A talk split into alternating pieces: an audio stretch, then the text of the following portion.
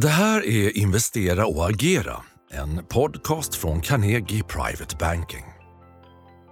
Torsdag 26 oktober klockan är 13.30. Flera riktigt röda börsdagar sedan vår senaste podcast samtidigt som rapportfloden nu brusar fram på Stockholmsbörsen. Vi ska sortera faktorerna att hålla koll på och ställa frågor om vart makron som driver marknaderna nu pekar. Vi gästas idag av Helena Haraldsson, makro och marknadsstrateg på Carnegie. Jag heter Henrik von Sydow. Välkommen till podcasten Investera och agera. Helena, sedan vår senaste podd har sex av sju börsdagar varit nästan illröda. Eh, vilken faktor eller vilka faktorer är det som pressar ner börserna nu? Ja, och det har ju hänt trots att vi har haft bra rapportsäsonger. Mm. Jag skulle säga att det är två förklaringar. Till viss del lite grann kriget, men framför allt utvecklingen på de långa räntorna på obligationsmarknaden i USA. Kriget, vi vet ju alla att markinvasionen har inte inletts än och med den kan det ju komma risker förstås då. Men tittar vi på marknaden så är oljepriset väldigt lugnt och för marknaden så har man fokus på om relationen Israel-Iran skulle försämras. Det skulle oroa. När det gäller räntorna så kan man väl bara påminna om att eh, en amerikansk tioårsränta har faktiskt stigit sedan i våras en och en halv procentenhet upp mot 5. Vi tror fortfarande tyvärr att den har en dragning uppåt. Det är väldigt oroliga rörelser från dag till dag. Och det här innebär ju en tuff finansieringsmiljö. Nya lån i USA kostar ju 8% på bolån. Vi såg JMs rapport fortsatt dyster igår. Men förutom finansieringsmiljön så ökar det också risken för finansiella olyckor eller att någonting brister och går sönder. Sen kanske man ska lägga till en liten till förklaring och det är att vi faktiskt har brutit ner genom vissa viktiga tekniska nyckelnivåer på, på flera börsindex. Och det här tror jag är en oro för många hade nog hoppats på, vilket är vanligt då, att man får en botten i oktober och att aktier blir lite av vad man kallar en vintersport. Just det. Just det, det här med tioåringen över 5 det är väl nästan en magisk gräns just nu? Som ja, just nu är den precis under, men den har tangerat 5 i alla fall. Mm. Nej, det, det är nog en spännande nivå som vi passerar den upp mot 5,5 där Fed har sin styrränta. Mm, tung faktor som pressar börserna. Mm. Vi, så, vi har också den senaste veckan då sett den första rapportveckan. Eh, vi pratar mycket om det på investmentbanken förstås. Eh, hur går omdömena om Stockholmsbörsens eh, rapporter, om bolagen på Stockholmsbörsens rapporter? Ja, man kan väl börja med att konstatera då att ser vi till vinsterna så har de varit bättre än väntat. Runt 8,5 procent i snitt. Det beror på vilken tidpunkt man exakt tittar. De bara flödar in i en rapportflod en intensiv vecka. Men tittar man på medianöverraskningen, alltså inte i snittet, då är det lite lägre. Då är det 3, men det är ändå bra. Lite kanske man kan ana en svagare guidance, lite svagare försäljning men det är ingen större orderbesvikelse.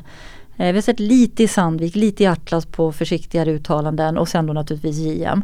Men tittar vi på revideringarna då är det i Sverige då knappt märkbara förändringar aggregerat, alltså varken upp eller ner.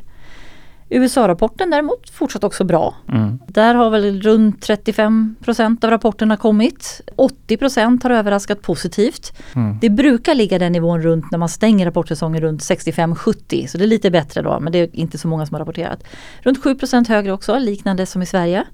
Det vi kan konstatera där är väl att besvikelser har straffats betydligt mer än vad positiva överraskningar har lyft aktiekurserna. Mm. Sen har ju många haft ögonen på tech. Yes. Lite dramatik igår i, i Google Alphabet då. Men man har ju pratat om de här sju stora bolagen som har lyft börsen, Magnificent Seven. Det skojar man ibland om att nu blir de färre och färre. Tesla var en besvikelse och sen Google. Men rapporten från dem var faktiskt bra. Men förväntningar, försäljningsmässigt också bra, men förväntningarna var väldigt höga. Man ska komma ihåg då att Google hade varit upp 50% hittills i år innan rapporten.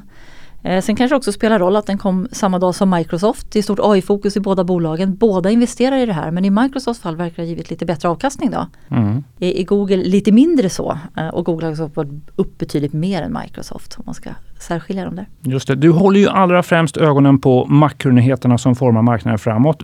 Vad i makrobilden är viktigast att uppmärksamma investerare på just nu? Jag tycker det är spännande med de färska barometrar vi har fått precis i veckan. Eh, de pekar faktiskt som de ser ut nu på en mild inbromsning snarare än en hård landning. Så lite hopp. Eh, och sen har vi då äntligen fått stimulanser i Kina.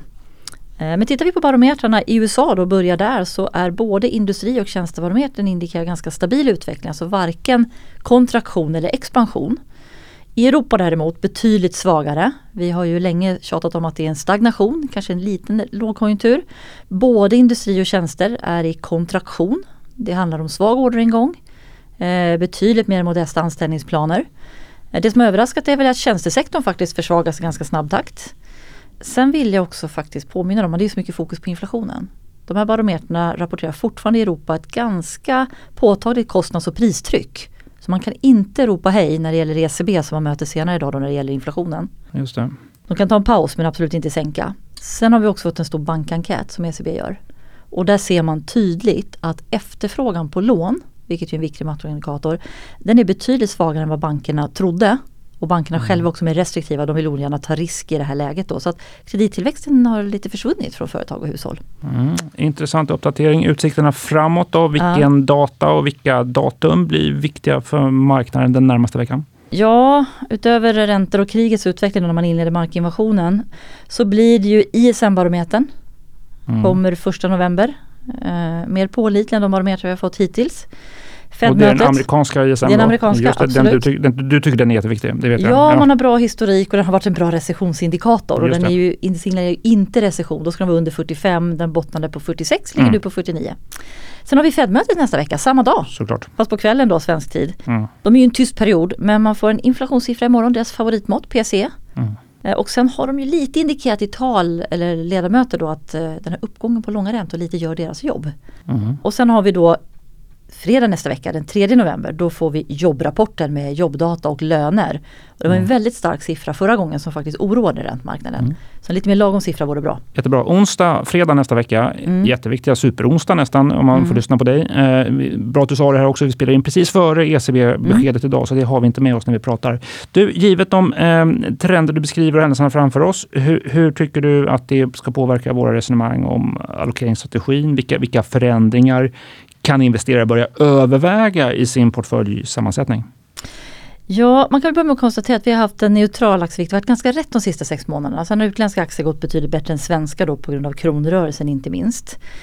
Det man har sett när man ska vara beredd på, vi har ju sett att inte ens Kina-stimulanser som vi faktiskt äntligen har fått då, eh, eller de här generellt bättre rapporterna har ju riktigt hjälpt. Och ränteplaceringar är ju ett attraktivt alternativ till aktier, både i USA, framförallt i USA men även här. Och jag tycker man ska vara beredd på att om räntorna går upp ytterligare och något brister Alltså då kan konjunkturen bli sämre, P talen lägre. Så jag tycker man något ska brister, vara... något går sönder? ja, jag tänker något större än Silicon Valley Bank. Just det, ja. Så jag tycker nog ändå att man ska vara vaksam åt båda håll. Mm. Det positiva, det är ju då att vi har en liten krok i de här barometrarna. Men det viktiga för marknaden det är att vi får ett, en, ett räntestopp. Eh, att uppgången liksom kommer av sig. Eh, för att man ska bli riktigt sugen på svenska aktier då vill vi gärna se en ökad riskaptit eller en mer varaktig kronförstärkning. Inget av det har vi sett. Och när det gäller då vaksam åt det negativa hållet, ja då är det ju det här som vi sa, någon finansiell olycka. För hittills har ju börsen klarat ränteuppgången ganska bra. Vi hanterade Silicon Valley bra för då hjälpte Fed till med lite ökade stimulanser. Eh, men jag tycker man ska vara vaksam åt båda håll. Mm, och det är också finans- därför vi mm, jag förstår, förstår, förstås. Eh, finansiell olycka är en risk som vi och investerare har med oss framåt mm. då förstås. Eh, du, på temat att vara vaksam på båda håll eh, och det vi började prata om att börsen har fallit mycket sista veckan här nu då. Eh, mm. När blir det köpläge på Stockholmsbörsen? Ja, om man börjar med det kortsiktiga, om man liksom blickar resten av året så är det klart att tittar vi på volatilitetsindikatorer, tittar vi på sådana här alltså indikatorer, alltså fear and greed indikatorer, så kan man säga att okej, okay, det här signalerar kanske att det, signalerar att det kanske är lite översålt. Det skulle kunna komma en rekyl. Men tittar vi fundamentalt på lite mer lång och medellång sikt, då är det de här stora dragen. Vi måste få en minskad ränteoro och det har vi inte. Det är stora dagsrörelser. Först då kan vi flytta fokus till vinster och konjunktur och då får vi ju se lite vad står börsen då när den här räntepausen liksom kommer även på långa räntor, inte bara centralbanker. Vårt huvudscenario med stöd av de här barometrarna, och där till exempel i Europa då den tyska barometern faktiskt är lite ljusare. Vi fick de här kinesiska stimulanserna, det var mycket infrastruktur. Det är störst tillväxteffekt 24 men det är ändå ett signalvärde. De är rädda att agera, växa budgetunderskottet. Så, så, så talar det här för en liksom mildare avmattning då snarare än en hård. Men ska man ge något riktigt konkret tips då, för det blev ju inte riktigt något svar på när bottnar Stockholmsbörsen, när är det köpläge, så tycker jag att för den riktigt långsiktiga så kan man ändå börja köpa småbolag lite smått för de är otroligt nedpressade så det här är ett bra läge. Mm. Börja skala in sig ja. i, mot småbolagen på Stockholmsbörsen? Och. Ja, för att ha övervikt i småbolag då måste vi se lite ljusare konjunktur mm. och där är vi inte riktigt än. Men börja bygg position för de är väldigt nedpressade. Det blir sista ordet idag. Vi tackar Helena för deltagande. Vi tackar dig som lyssnat förstås. Vi uppmärksammar också gärna en stor nyhet i Carnegie-världen i veckan som gick. Det var förstås Carnegies förvärv av Erik Penser Bank. Vi säger välkomna tillbaka till familjen Penser och ser fram emot samarbetet, kanske också då med den vassa Penser-podden. Den som följer oss får se kanske blir Carnegie podcasthus. Stort tack för visat intresse idag. Är du intresserad av topprankad aktieanalys och unika investeringsmöjligheter? Gå in på carnegie.se privatebanking och lär dig mer om vad du får som private banking-kund hos oss.